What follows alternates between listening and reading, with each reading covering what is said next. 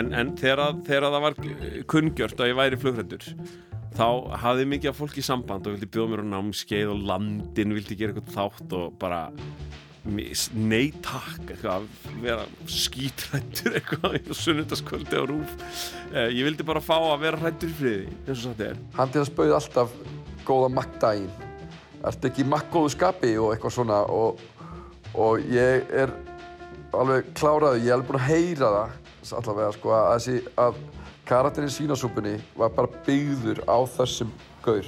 Mattægin! Sko góð merking hún hún kannski lítur bara út fyrir að hafa alltaf verið þarna. Að vera bara hérna partur af, af hérna rýminu. Ágætu hlustendur, lestin er lögð af stað og í þættinum í dag flugræsla Dóra DNA fyrrum starfsmenn McDonalds segja frá og skildi. Ég heiti Lóabjörg Björnstóttir og ég heiti Snorri Rapp Hallsson.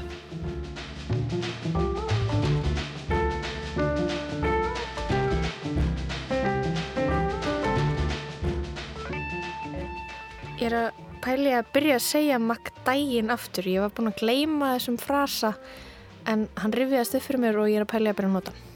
Já, McDægin. 30 ára eru liðin frá opnun McDonalds á Íslandi og við höldum áfram að hlusta á umfjöllun önnum Marsipilar Klausen um sögu þessa veitingastæðar. Seríuna Mac Blessi Ísland frá árinu 2019 og í þættinum sem við heyrim í dag þá ræður hún við fyrrum starfsfólk McDonalds á Íslandi. Og í kvöld verður grínmyndin Northern Comfort frumsýnd. Leikstjóri myndarinnar er Hafstedt Gunnar Sigursson en hann skrifaði handritið á samt Haldurssoni Lagsnes og Tobias Munte. Flugræsla er megin stef myndarinnar og hana þekkir Dóri Díana af eigin reynslu við spilum hann á eftir. Við byrjum á skiltunum sem umkringi okkur.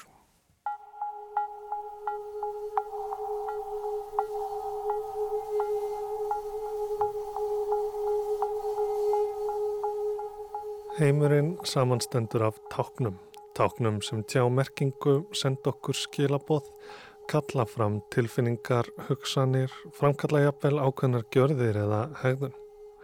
Allt er tákn en fá tákn eru jafn skýr og skildi.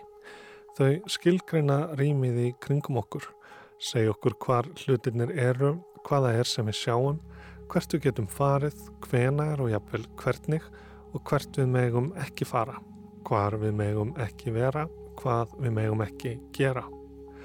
Óviðkomandi bannaður aðgangur, engir boltaleikir eftir tíu og mitt uppáhalds, varúð, börn að leik. Upplýsingaskildi segja til um veður og færð hvað klukkan er, staðrindir sem gætu verið gaglegar. Sumstaðar Erlendis byrtast vísitölur og hlutabrifaverð á rafrænum skiltaborðum sína gengi gjaldmiðla. Og auglýsingaskildi reyna að hafa áhrif á hegðun okkar, segja hvað er til sölu, hvaða kostar, hversu glöð við verðum þegar við kaupum vöruna eða þjónustuna, förum í sólalandaferðina sem er á tilbúði.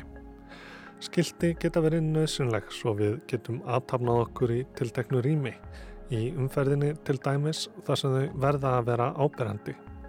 En önnur skildi eru bara áreiti, spilla því sem fyrir aug og ber eru jafnvel fyrir.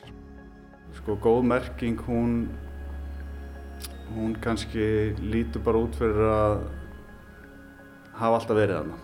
Að vera bara hérna, partur af, af hérna, rýminu. Heiti Helgi Heimisson og við erum á Seldartanesi í skildagerinni Bræðurinn og Baldurssonum og ég er skildagerða maður. Bræðurnir Baldursson hafa lengi unni fyrir listasöfn, séðum merkingar fyrir þau og þeim var bóðið að taka yfir litla rýmið í miðju síningarinnar myndlistin okkar á kjárvalstöðum. Velja sína eigin síningu sem kallast myndlistin þeirra en meirum það á eftir. Pælum aðeins í skildum almennt fyrst En Bræðnir Baldursson er fjölskyldu fyrirtæki, stopnað af heimi Baldursinni og bróður hans og Helgi ætlaði ekkert endilega að ganga inn í businessin.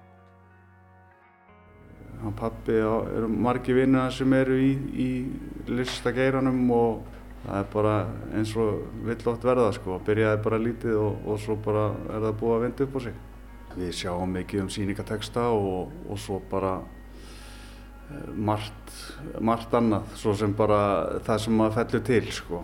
Það getur verið rosa fjölbreytt og, og ég held að svona það sem skiptir mestu máli er að geta nálgast á þann hátt að að listin fá að njóta sín, ekki merkingarnar þannig að það er kannski svona líkilætið að mínum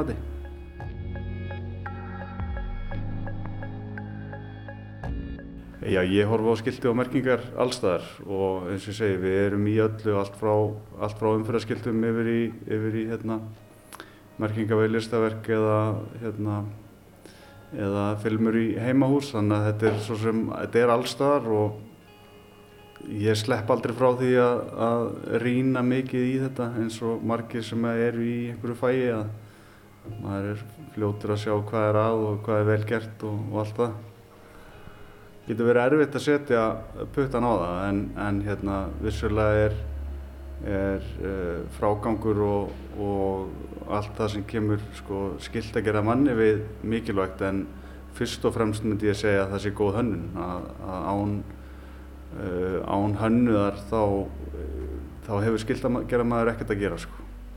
að ég myndi segja að það er, það er líkillin að góða skilti, góð hönnun þetta er svona getur verið tvíþætt sko, annars vegar merking sem að sem að er bara, lítur bara út fyrir að, að hafa alltaf verið þarna, hún sko stingur ekkert í stúf eða hún, hún er bara þarna og er bara hluti af umkörninu. Það getur verið góð merking eða þá eitthvað sem algjörlega æpir á mann og fer ekki að milli mála að, að þarna er eitthvað nýtt á ferð sko. Ég er mjög hrifinn til, til dæmis af merkingunni hjá Listasafn Reykjavíkur sem er nú ekki á, á Hafnarhúsinu sem er nú ekki eiginlegt skildi en, en það er merkingin máluð yfir allt húsið. Það er svona mjög stað gott dæmi um að vera mjög sko uh, sínileg merking en, en hún á svo sannlega heimar og hún, hún, hérna, hún svona, veist, hún er ekkert yfirþyrmandi þrátt fyrir að vera margra metra há og yfir allt húsið og þá, þá er hún bara þannig. Hún er bara, hún eldist vel, þetta er jafn flott og þetta var þegar þetta var gert. Og eins og segi við hérna, tókum þátt í þessu en, en, en framkvæmdum ekki enda sagt, málunina en vorum, vorum, tókum þátt í, í gerðamöskum og öðru. Þetta var náttúrulega bara alfarið eiginlega málun á skiltum og, og, hérna, og bílamerkingum og, og öllu. Uh, við gerum alveg ennþá slatta af því og mér þykir mjög skemmtilegt að, að framkoma þannig verkefni uh, og, að, og að vinna þetta dáti á gamla mátan. Þar sem að eru notið máling eða, eða hérna, margir litir úr heilli filmu það sem er ekki bara prentað og, og límt í það sem er svona það sem að handverki færi aðeins að, að skýna í gegn. Og ég er bara það heppin að, að hérna að vera að vinna með föðuminum og, og sem er rosalega fær í í bæði gamlaöfrunum og nýju. Þannig að hérna ég ég legg mikið upp úr því að hérna þetta sé þekking sem tapist ekki væri, það væri mjög auðvelt að, að færa sig alfarið yfir í bara stafræna prentun og, og allt sé bara prentað og skorið út en, en að halda í þessa gömlu leið sem að er eitthvað, eitthvað heillandi við hana.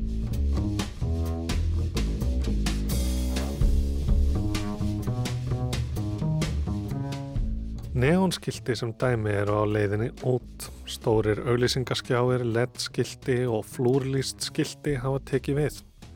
Og ég verða að segja fyrir mína parta að það er missir af því.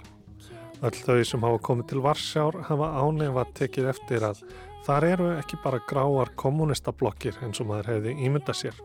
Heldur glóir neonið alla nóttina úti um allt. Það var á millistrís árunum þegar Póland hafði öðlast sjálfstæði sem neonið hóf innrein sína í borgina.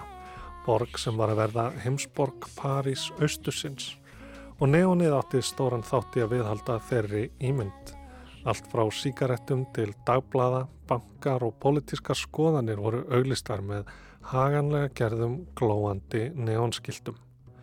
Útlínum herskips fylgdu skilabóðin, vopnum Póland á sjó á ný.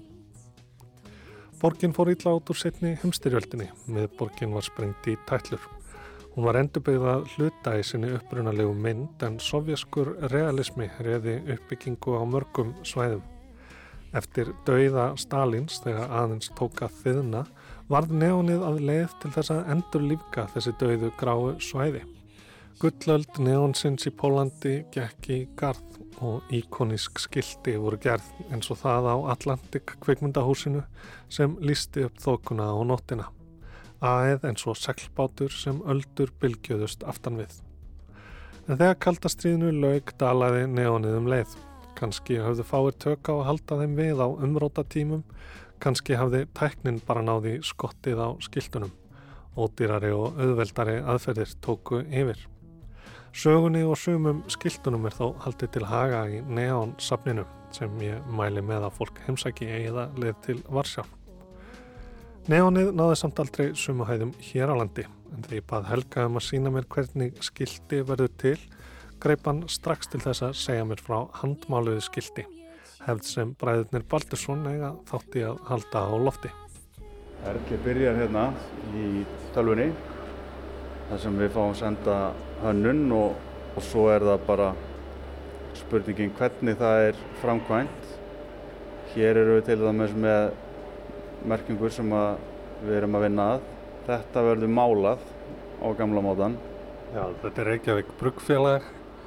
Hér eru stafinnir RFK mynda uh, flókið minnstur í nokkrum tónum af brúnum. Já, og þetta er eins og gefur að kynna, getur verið ansi flókið að, að flókið málun en þetta er, þetta er eins og ég voru að segja á þann að þetta er svona það er eitthvað heitlandi við þetta handverk og hérna, það er svona ákváðu að fara þessa leið en þetta er gott dæmi um að, um að án, á, án góðurar hönnunar þá, þá væri skiltagjærumadurinn kannski gagslaus þar sem að hér eru mjög flinkir hönnuðir á ferð og við byrjum á að fá skjál sem við þurfum svo að útfæra til þess að senda yfir í þessa vél þarna sem að tölfur sker öll formin. Svo í róli heitunum þá er þetta skorið út í heila filmu og tekið svo allt úr eins og þarna fyrir maska þá er tekið allt úr sem á að mála. Og svo er það, það límt á vegg og málað ofan í með eins og í þessu tilfelli sex mismunandi litum og þaðan svo maskinn tekin af og, og svo það sem gerir það kannski aðeins svona floknara í, í því tilfelli sem maður er með letur að það þarf að plokka innan úr öllum stöfunum af vegnum. Þetta eru þúsundir erra? Já, þetta er mjög skemmtilegt munstur. Ég, hérna, þetta verður alveg tölver vinna en ég held að þetta verði merking og heimsklassa fyrir vikið. Við bröðum okkur aftur á kaffestofuna undan hávaðanum í prent og skurðarvélunum til að ræða örlítið verkinn sem urðu fyrir valinu á myndlistin þeirra á kjarvalstöðum. Þið fenguð að grúska í safni listasafns Íslands og velja verk. Hvernig völduðu verk og hvað völduði?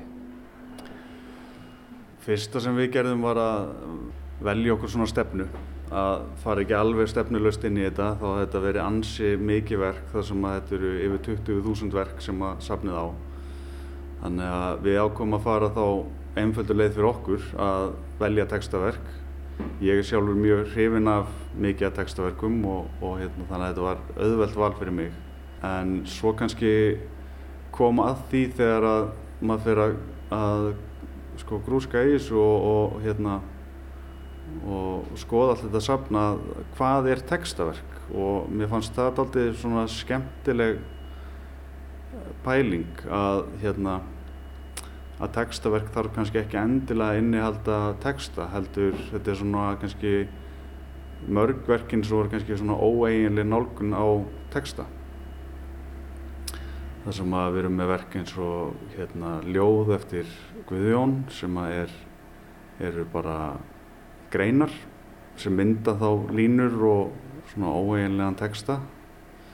Uh, við erum með verk eftir Kristján Guðmundsson sem er uh, heitir Blekgemsla þar eru við með hólk sem er fullur af bleki sem er þá texti sem er ekki búið að skrifa eða bækur eftir uh, Sólunni Guðbjörnsdóttir sem eru ekki með neinum texta en þetta er svona þannig að þetta var svona ekki svona óeiginlega nálgun á texta. Svo erum við líka með alveg mjög bara við, völdum við mjög ský, skýr textaverk eins og eftir Birgir Andrisson sem að e, er farið bara þar eru bara, hérna, bara lýsing á hersti eða lýsing á manni sem sýnir fram á hversu sterk, sterkur texti getur verið og málað upp algjör að mynd af, af viðfánsefninu eða hérna Lorenz Wiener það eru verk eftir hann þrjú uh, sem að lýsa uh, reyfingum eða, eða hérna eða vísa í svona reyfingu frekar heldur en eða aðgerðir frekar heldur en hérna uh, lýsingu á viðfáðsefni og, og svo eitt af mínum uppáhaldsverkum á þessari síningu er eftir Stengri Meifjörð þar sem að er uh, svona upplifun hans á, að, á því að horfa á óperuna Parsifal sem að þannig að einhvern veginn sko já, texti orðin af einhvers konar upplifun eða, eða tilfinningu sko Og hvað er það við textaverk sem að heila þig? Er það starfsins vegna eða er það öfugt? Já, þetta er, þetta er góð spurning. Ég, hérna, er bæði náttúrulega skila mjög skýru uh, sem sagt viðfásefnum sínu. Skilaði mjög skýrt að það er ekkert, hérna, það er ekkert að lesa nema bara textan, sko. Uh, en á sama tíma held ég að það er mjög algengt, svona ef ég pæli í núna, það er mjög algengt í, í mikið textaverkum eru, uh, það er notaðir mjög hérna, ster, sterkir litir oft og, og þau eru svona mörg hver svona minimalísk sem að hérna, ég er mjög hrifin af en, en það er kannski í grunninn er það þessi þessi skýrleiki sem að textaverk hefur fyrir mig alltaf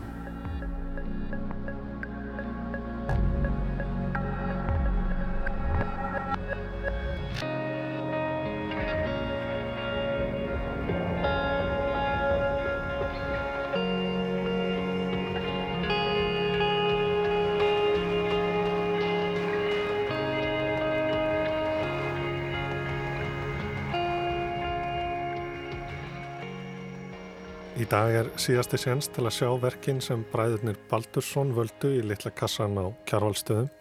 Ef þið eru að hlusta í bílnum núna, takkið stefnuna beint á Klambratún og þið sem heima sittið, ég segi þetta ekki oft en slökkvið á útarpinu og rjúkið út. Það er síðasti séns. Það er liðin 30 ár frá því að McDonald's opnaði á Íslandi. Anna Marsabell Klausen gerði serju um sögu McDonald's á Íslandi árið 2019. Við erum búin að vera að hlusta á það hér í lastinni í dag er komið þætti 2. Í þessum þætti fáum við að heyra sögur fyrrum starfsfólks McDonald's hérna á Íslandi. Í síðasta innleggi af ör-seríu þessari hér í lestinni á Rás 1 kynntust við uppruna McDonald's á Íslandi, hvernig vörumarkið markaði innreið nýfrjálshyggju og því hvernig stopnandin Kjartan Örd Kjartansson lagði allt í sölurnar til að koma McDonald's á koppin. En hann var auðvitað ekki einn um að leggja blóð, svita og tár í verkið. Í dag skiknust við bakvið á grilluborðið, á grillið og djúbstekingar græðuna og og kynnust því hvernig það var að vera starfsmöður á plani hjá McDonalds á Íslandi. Þetta er Maglessi Ísland.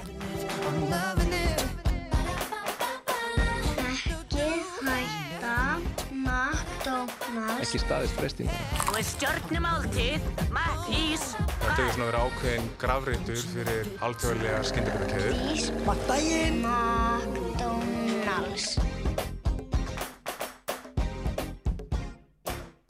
Herru, ég var að vinna á McDonalds uh, hausti 2006 Sumarið 2007 Þegar ég var nýjónið 14 og var þar í 1,5 ár, Ég var að vinna á McDonalds 98 til 99 og ég fór að vinna þarna á þegar einn félagi minn var að vinna þarna og hann mælti með þessu að þetta væri úst, mjög fínt og væri líka fullt af stelpum vinna þarna og hann væri búin að svolítið höstla þarna og ég reyndi eitthvað til eðast og en hérna ég, ég var ekkert að vinna með honum sko, ég veit ekki hvað vakt hann var en mér var náttúrulega að lítast á þetta, á þetta fólk sem ég var að vinna með sko og fannst þetta fannst þetta, hérna, við álgir við erum alltaf einhverju nördar sem voru að vinna þarna og sem hérna, held að væri eitthvað töff að vinna McDonalds.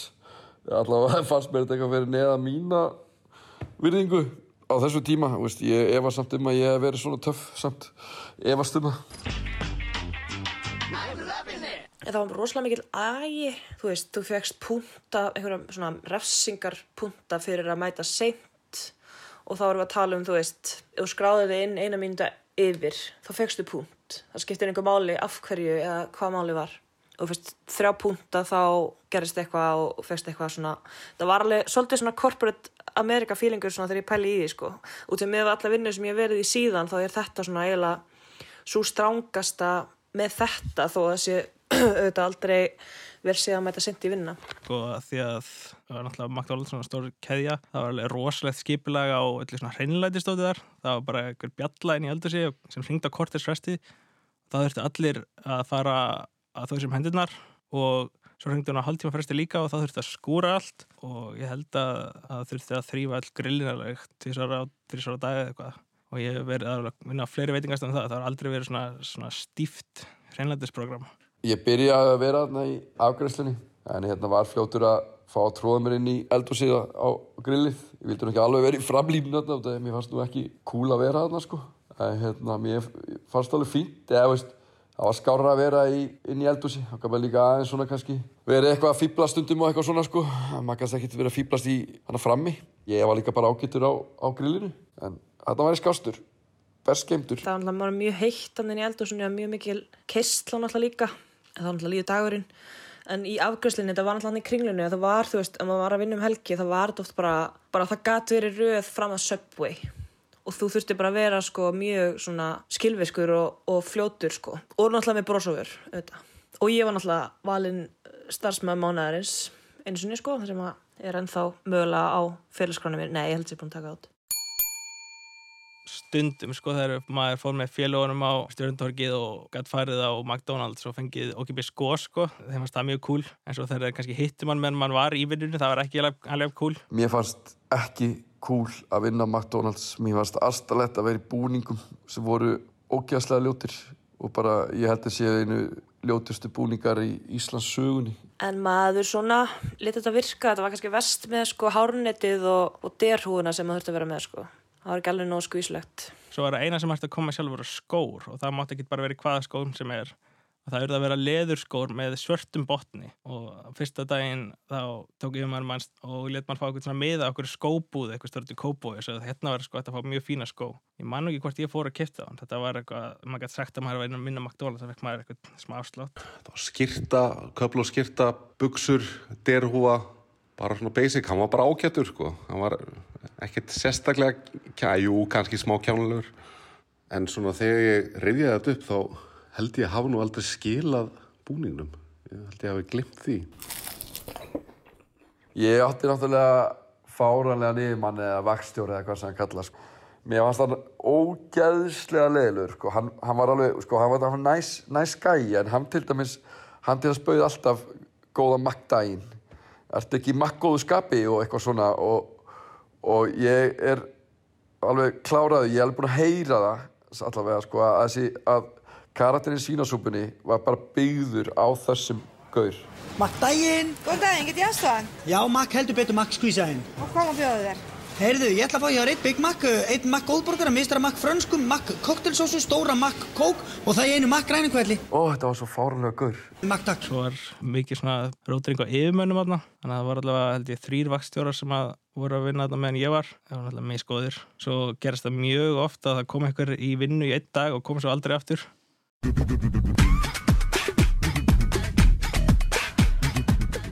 Fyrir 16 ára starfu sem er að leita sér að sínu fyrsta starfi sem er ekki úlingavinnan þá var McDonalds nokkuð físilegu kostur. Þetta var svona síðsumars 2000, þannig var ég að byrja mentaskóla og tók þessu starfi bara mjög fagnandi. Við vorum hérna vinkonunnar að sækjum saman og það eh, fór hins vegar þannig að eftir fyrsta daginn minn, eftir heilan dag af því að standa í framlínunni og afgræða mjög mikið af McDonalds mat með tilhörandi álægi á húðina og hárið í köflóttir skirtu og McDonalds styrhúfu þá áttaði mig á því að sláttu flokkur Kópavóksbæjar var kannski ekkert eins slæmur og ég hafði einhvern veginn haldið þannig að ég sæði skili við þennan ágættu stað eftir aðeins dag í starfi og eh, verða að segja að þetta voru kannski bara mistök hjá mér. Ég hefði átt að gefa þessu lengri tíma.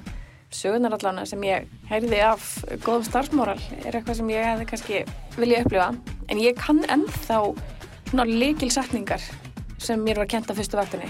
Eða svona skamstafinir. Til dæmis huml, hreinsa um leið. Það er mjög mikilvæg regla sem enginn mátti eh, ekki kunna. Og FIFU, fyrst inn, fyrst út. Það sem fer fyrst inn í fristinn eh, má ekki, það má sérst ekki gleyma að taka út. Æ, nei, ég, nei, ég er ekki búin að gleyma þessari reglu. Það sem ég man um matinn var, ég man að kjöti kom frosið og maður tók einfallega bara frosna hambúrgara og skellti þeim á grillið og nýju í senn, lokaði og svo tíu sekundur senna þá var þetta bara tilbúið. Svo skemmtli maður svo bara brauðið og sósa og laukur og áðið sér pakningar og einstjörnumáltíð og, og bye bye. Það sem komið mest óvart með matinn var hérna laukurinn. Ostborgarnir, svona, litlu ostborgarnir, þeir voru með svona litlum lauk eitthvað. Hann kom þurrkaður Þurrkuðum pókum. og svo þurfti bara að preppa laukinn sko með því að setja hann onni í eitthvað svona, eitthvað ílát með Vatn yfir nótt áður en maður gæti sett það á borgarna. og þá var þetta að þessum svona litlu laukkornum sem að maður færi mitt á McDonalds hambúrgurum.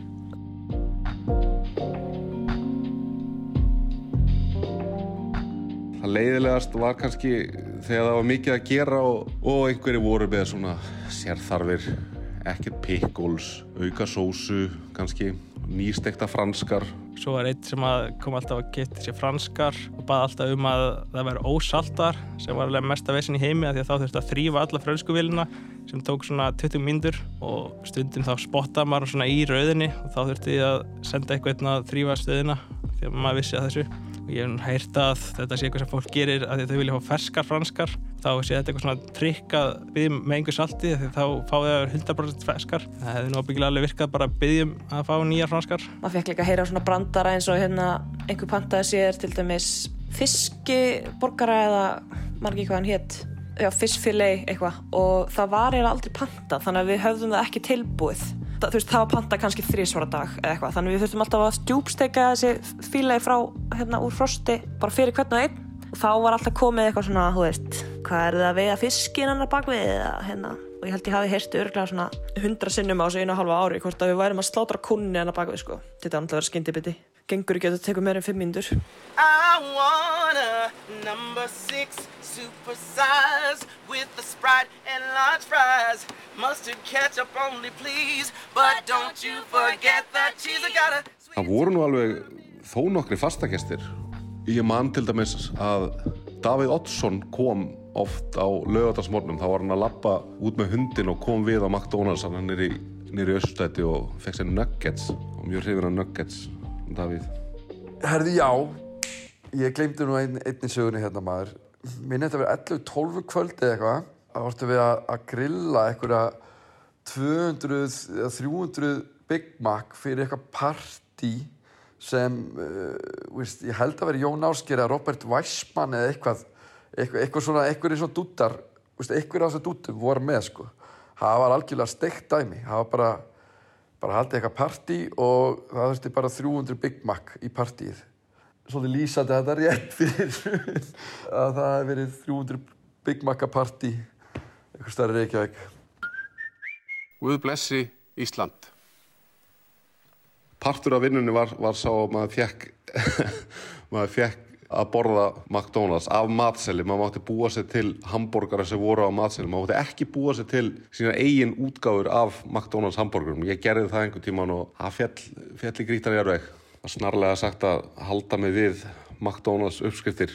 Ég fekk mér yfirleitt góðborgara það er bara uppáldið mitt en það er dag sko þegar ég fer út að fá sér góðborgara í þingunni sko, það klikkar ekki. Fyrir hvern klukkutíma sem maður var í vinninni þá fekk maður einn púnt. Og fyrir þessa púnta gæti maður bara fengið McDonalds mat í næsti maður fór hérna upp á kaffestofu í kringlinni þetta var að hæðinu fyrir ofan McDonalds. Kaffestofun það var sjónvarp og það var ekki þetta að vera sjónvarpið það var alltaf sami family guide diskurinn í gangi. God, this is worse than having Ronald McDonald for a father. maður var að taka langa vakt það gæti normal að fengið sér stórum borgara ís og franskar og sumir fengur sér svona eplaböku sem var eitthvað og geði samsvælt þarna. Maður var alveg bara að borða þetta á hverja einstu vakt. Það er eðilega ekkert McDonalds já, þannig sé fyrir mér. Mér fannst og finnst McDonalds vondur. Ég fer aldrei að McDonalds til þeim útlöndum sko. já, hann að ég var yfirleitt með Nesti með mér og svo ef maður fekk skiluru eitthvað smá pásu, 20 minnur pásu eitthvað þá hljópi stundum yfir á Kenny og hérna og náði mér í hérna í Kenny og það fór mjög í pyrrundur á mínu yfirmanni að ef ég kom með Kenny hann inn en það var líka oft bara gert til að fara í pyrrundur árum sko.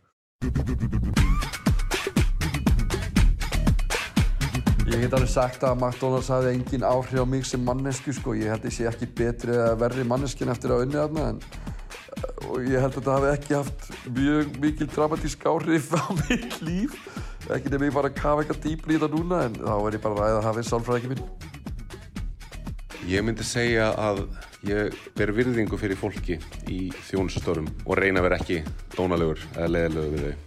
Það getur verið erfið og líðandi vinna og leðilegir viðskiptavinnir hjálpa ekki til.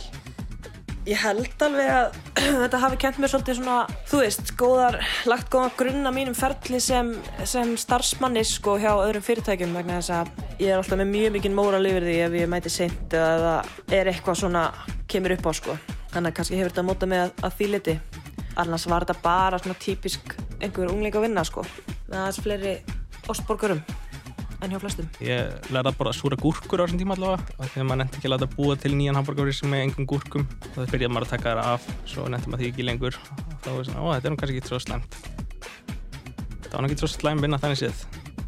Ég væri alveg til í að McDonalds myndi opna í, á Íslandi aftur. Ég, ég held að hérna, út, eða sérstaklega út af því sko að ég væri svo til í að horfa á beinústík á vísi.is frá opnurinni. Ég held að það er því alveg geggjastöf. Geggjastöf. Og hérna, en hvort það verður, ég veit það ekki. En ég væri til í það, sko. Ég væri til í það, en ég held samt að McDonalds muni aldrei opna á Íslandi aftur. Ég held ekki. Ætli McDonalds komi einhver tíman aftur til Íslands? Og af hverju hætti McDonalds yfir höfuð? Í næsta þætti segir maðurinn sem breytti McDonalds í Metro sína sögu. Og það var svona doldið sko högg að e, fá það í handliti að þeir myndi ekki trúa á að þetta myndi laga svona rætt og við erum búin að dæla í þetta peningum endalust til þess að halda þessu gangandi. Makkblessi Ísland.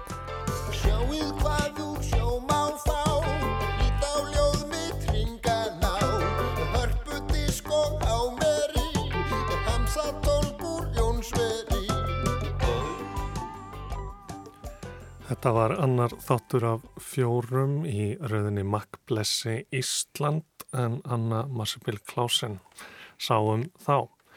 Útubúum McDonalds á Íslandi var lokað árið 2009 vegna sérstakra samninga sem gerði það verkum að kaupa þurfti aðfeng erlendis frá.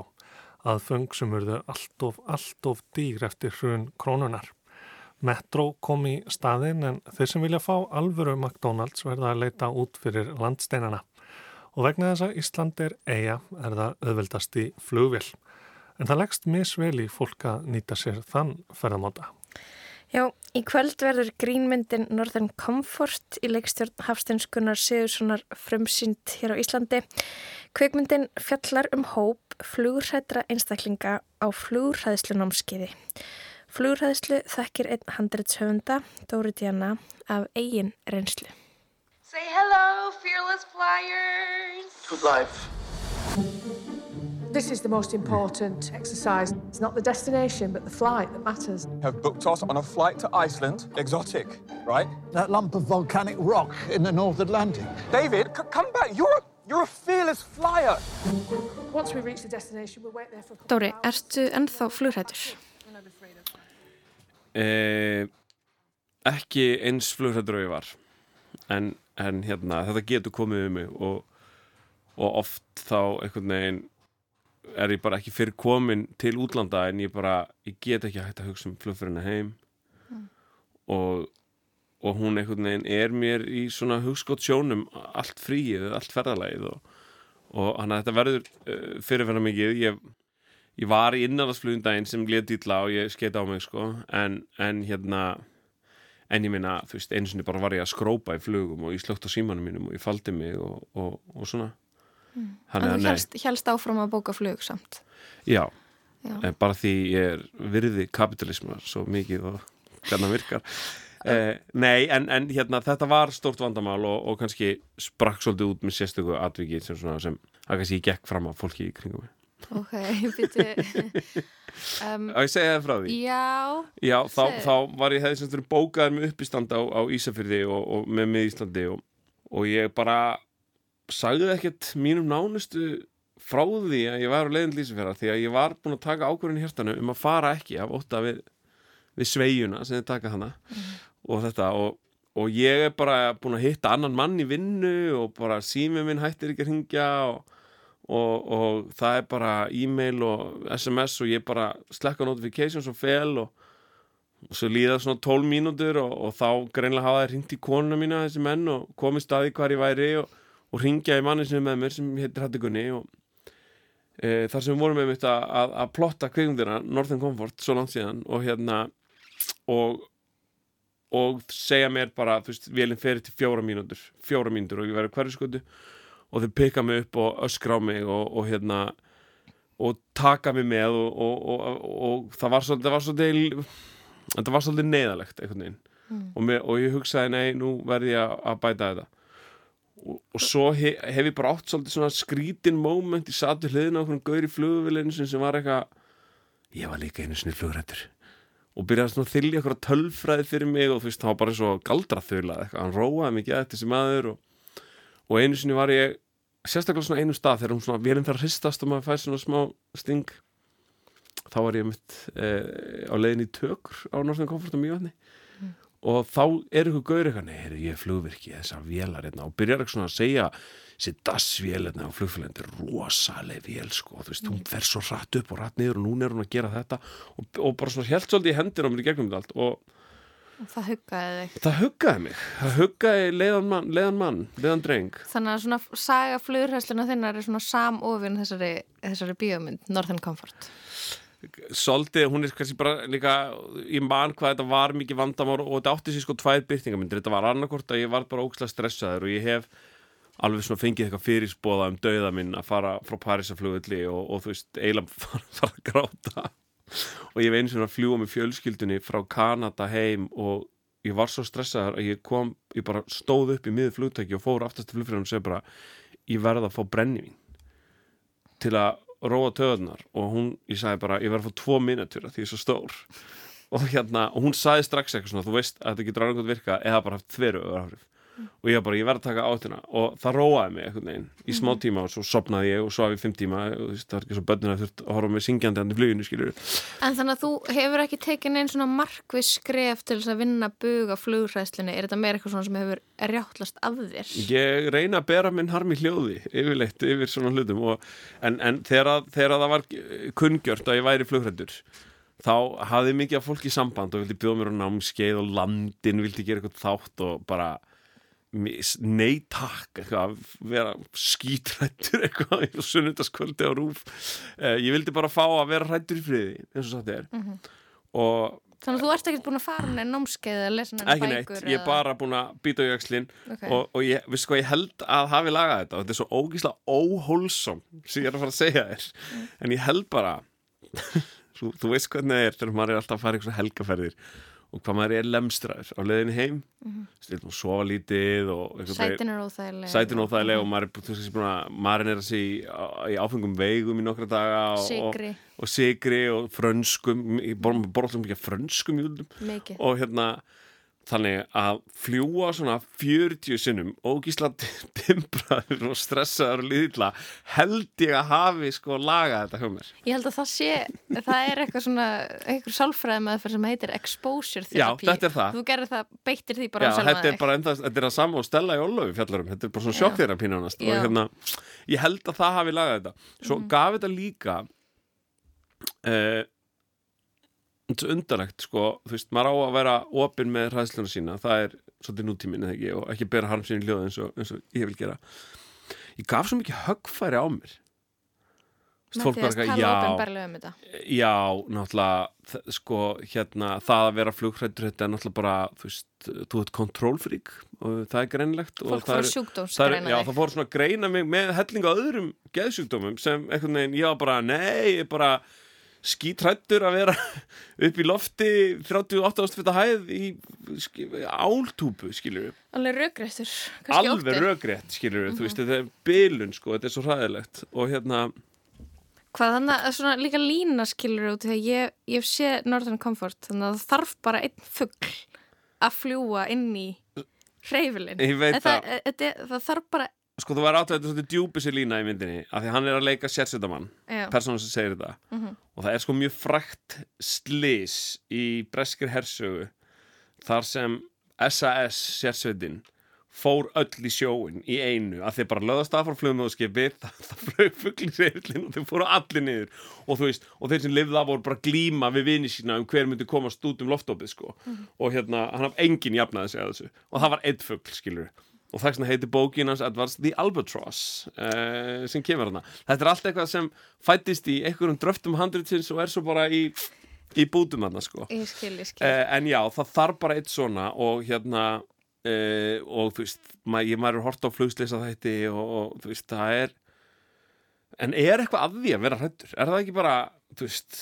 Hm, Ég, nei, ég, ég sá svolítið gott tíst fyrir nokkrum árum þar sem að maður sagði hvert einsta skipti sem ég stíg upp í flugvél þá hugsaði ég á, já, á leiðinni í frí þá hugsaði ég ég gæti dáið og svo sætti ég mig við það út af því að ég frekast til ég að fara í frí og heldur en að, þú veist, lifa endilega af, sko. Og ég held að, ég meina, Íslendingar þurfa að fljúa ef við ætlum að komast ekkert um hann í burtu. Ég veit það, þetta er, en sko, þú veist, en það, það besta við deila, sko, mér dreymi líka oft um að ég sé að hrapa, sem hérna má alveg eh, ta- taka fram hérna. Þetta- ó- Óttinn er þannig að hann er komin djúft í undir meðunum mína og stundum er ég bara að hrapa og hérna, og það, það er eitthvað við þetta, þú veist, að því að það tekur auðvitað vélangar sér svona fimm mínútur að hrapa alveg til jarðar og þú ert alveg örgulega búin að öskruðu lungun skilur, þú komið að "Ah!" Orðin bara hás einhvern veginn hérna. Hann er mér fyrst að ömuru döðagi en það sem ég er ennþá hrættari við er sjórin að þeir eru skrimslegar hann er miklu skelvilegar að þetta sjó.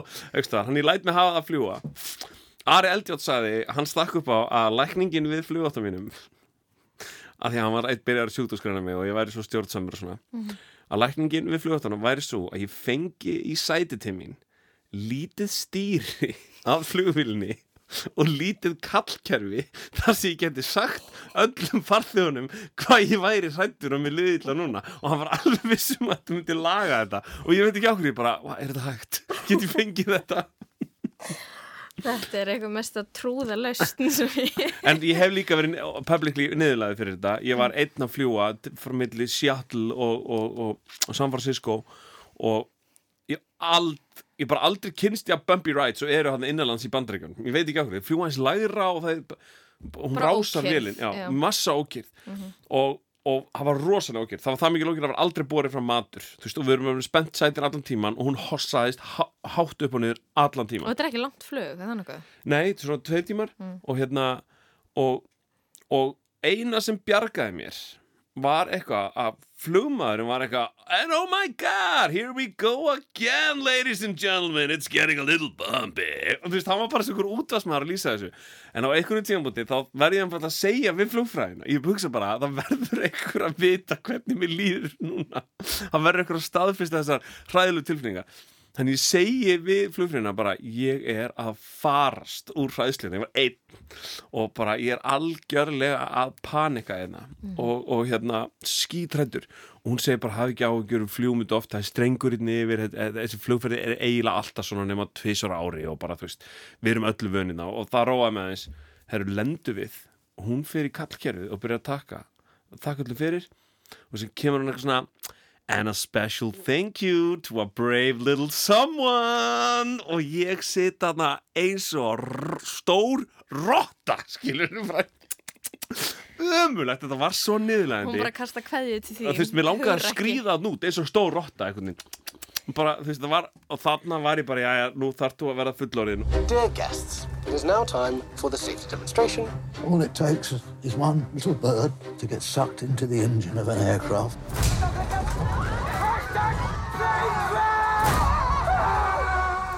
Staðan er þessi að þessi flugræsla hefur allavega getið af sér þessa kvikmynd sem við höfum gert Já, einmitt, sko, þeir eru þrýr sem skrifið hana, þú, Hafstedt Gunnar og.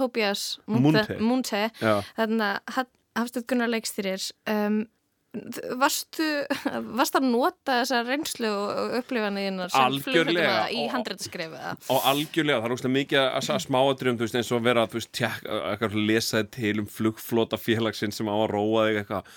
Gott að ég viti að þessi Airbus var kipt 2007, eitthvað svona eitthvað rugg sem róar mig og hérna hvað er langt síðan þeir lendu þú síðast í atviki, þú veist, þannig því hlutvarslega er ólíklegt að lenda í veist, tveimur með skömmum villibili alltaf að vera að skoða þessi smáadriði og, og, og og hvað óttinn heldtegum hann líka. Þannig að við- þetta var dýft í þessu en það er líka aðli e, mjög nála tatta sem er mjög flugrættur og er alltaf að beila á fríum og flugfélugum og, og, og svona hann að voru líka að nota það. Mm Þannig að eh, þessi hugmynd Hatti áttu hugmyndir Hatti áttu hugmyndina, en Já. hann er mjög góð vinnu þinn og, og hann fekk mig, að því hann var alltaf búin að sjá hvað ég er flugrættur og, hérna, og vissi það, hann fekk mig til að koma inn í þetta og síðan sk- skrifuðu við dröftin og Tóbi kemur inn mjög seint að því hann er bara breyti og hann með Hatti í kveikmyndaskóla og hann svona hjálpaði okkur með tungutak og, og, og svona að gera þetta brest Já, og þetta er brest en gerist á Íslandi og Breitlandi og, Já. eða ekki? Jú, þetta er, þú veist, uppalega var hugmyndin að fara með hóp Íslendinga til útlunda Mhm. svo var það bresku framlegandi sem sagði hérna, akkur snúðu þessu ekki við? Og það er náttúrulega smá spennandi að því, þú veist, að fara með eitthvað flugrætt fólk til Íslands um vetur, það er bara svona versta hugmynd sem þú getur fengið. Og hugmyndin er líka alltaf bara góð, þú veist, að hafa eitthvað svona túrlítir sem er, þú veist, vanhæfur í starfi sínu, þú veist, og, og þú ert komið eitthvað svona sex flugrætta uh, þú veist, og bregðast tröst þeirra og veist, okkur fannst þetta bara svo fullkominn staður til að láta allt fara til fjandans hjá uh, hóp, hópi fólks. Og allt fer raunverulega til fjandans. Já, já, já, Ég, ég fór bara að hugsa sko út af því að þarna, þú segist ekki vera alveg laus við flughæsluna að ég fór eitthvað að hugsa þú veist hvort að þú hefur kannski þú hefur kannski samt eitthvað svona skrifaði frá einhverju flughæslu með því að vera að skrifa þessa mynd algjörlega og hérna og þetta verður sko og þú veist, við náttúrulega gerðum research settum okkur í sambandhætleika fólki að þú veist, þetta var alveg svona ferðalega sem róaði mig og, og niðurstaðan sem þú kemst á endanum bara það þurfa svo margir hlutir að fara úrskeiðist til að flugulrabi að þú nánast átt að skilið ef það gerist sko. veist, það er, það er, það er bara þannig sko. hann að ég er örugari og, og ég komst líka einu að, að svona að þóturheflin er alveg topp 5 merkasta uppfinning mannsins og ótrúlegasta og að við höfum bara gert þetta er rugglað og minnst eitthvað töff að vera bara eitthvað þú veist, milli tvekja þóturhefla bara "Ah!" eitthvað hérna núna, hann að ég léttar yfir þessu sko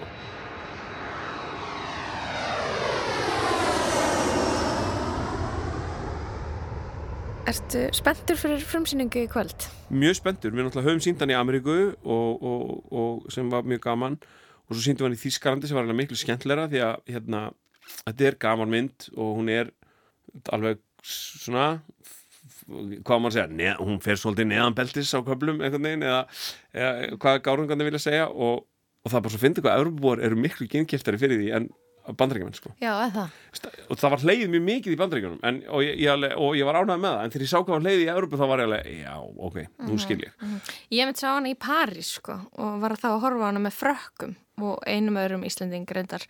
Og það, ég held að þarna, það verið skemmtilega líka sínun á Íslandi út því að það, var, það, það er eitt auka lag í þessari mynd sem er bara að sjá nýjan og nýjan íslenskan leikara mæta í auka hlutverk sem er líka ógislega fyndið bara þessi mætt og þessi mætt og þessi mætt þú veist alltaf eitthvað nýr og nýr það er alltaf einhvern okkur að við, erum að velja vel þarna því hún er svo Aha. mikið tekinn á Íslandi en svo náttúrulega erum við líka með Sverri Kristjánsson sem er bara, Já. þú veist ég held að hann væri bara eins og þessir gauðra sem er eitthvað, en Bjarni Geimfar hann er íslenskur en hann talar ekki íslensku eða þú veist, kemur eitthvað Ólafur Eliasson sem er bara eitthvað, já, já, svo kamum við hér og þú veist, tala bara Já, dönsku já. en hann, ég man að fyrsta sem grensi sað, Sverri sagði mig, hann var að tala um eitthvað að vera á grensunni Mm. að vera eitthvað og ég alveg, já, þú talar íslensku bara, já, vel og ég og hérna, hann er Íslandingur sem hefur bara búsettur í, verið búsettur í Svíþjóð. Síðan var 12 ára. Einmitt. og hérna eh, og hefur leikið bara held ég einu íslensku verkefni en, en svona þú veist bara þú veist, konur eldan í Svíþjóð sko.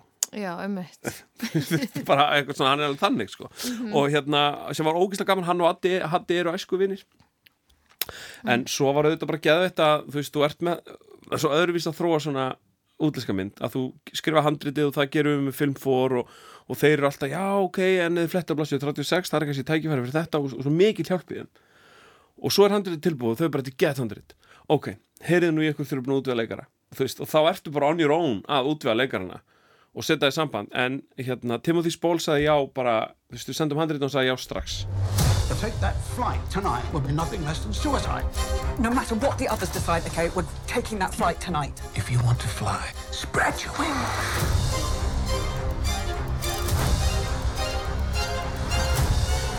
I have never felt so alive. eh, bara vonandi koma flestir í bíó, þetta er gamamynd þú veist, það er alltaf brekka með ennskupælandi myndir en þú veist, við erum framlegandinn íslenskur já, þetta erum íslenskir eh, þú veist, Sindri Harpa eh, Maggabúninga, þú veist, þetta er allt þetta er saman gengið og gerir allar íslenska myndir Einmitt. Dóri Diana, þakka að kella fyrir komin í lestina til hamingju með frumsýningadag á Northern Comfort. Takk kjærlega All my bags are packed, I'm ready to go. I'm standing here outside your door. I hate to wake you up to say goodbye. But the dawn is breaking, it's early morn. Taxi's waiting, he's blowing his horn. Already I'm so lonesome, I could cry. So kiss me and smile for me. Tell me that you'll wait for me. Hold me like you'll never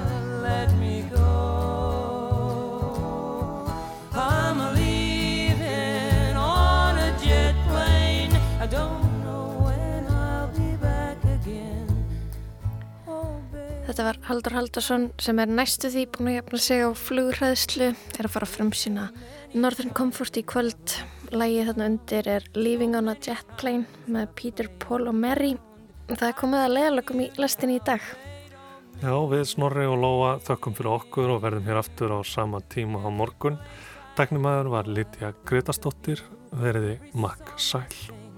Sing for you. When I come back, I'll wear your wedding ring.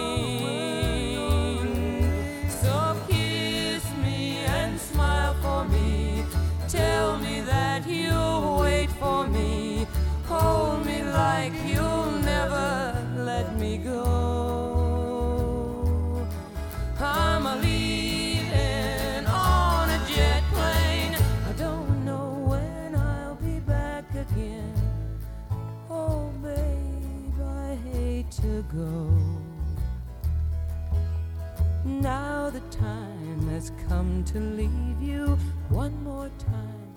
Let me kiss you, then close your eyes. I'll be on my way.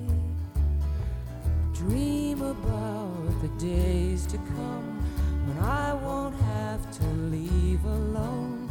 About the time I won't have to say.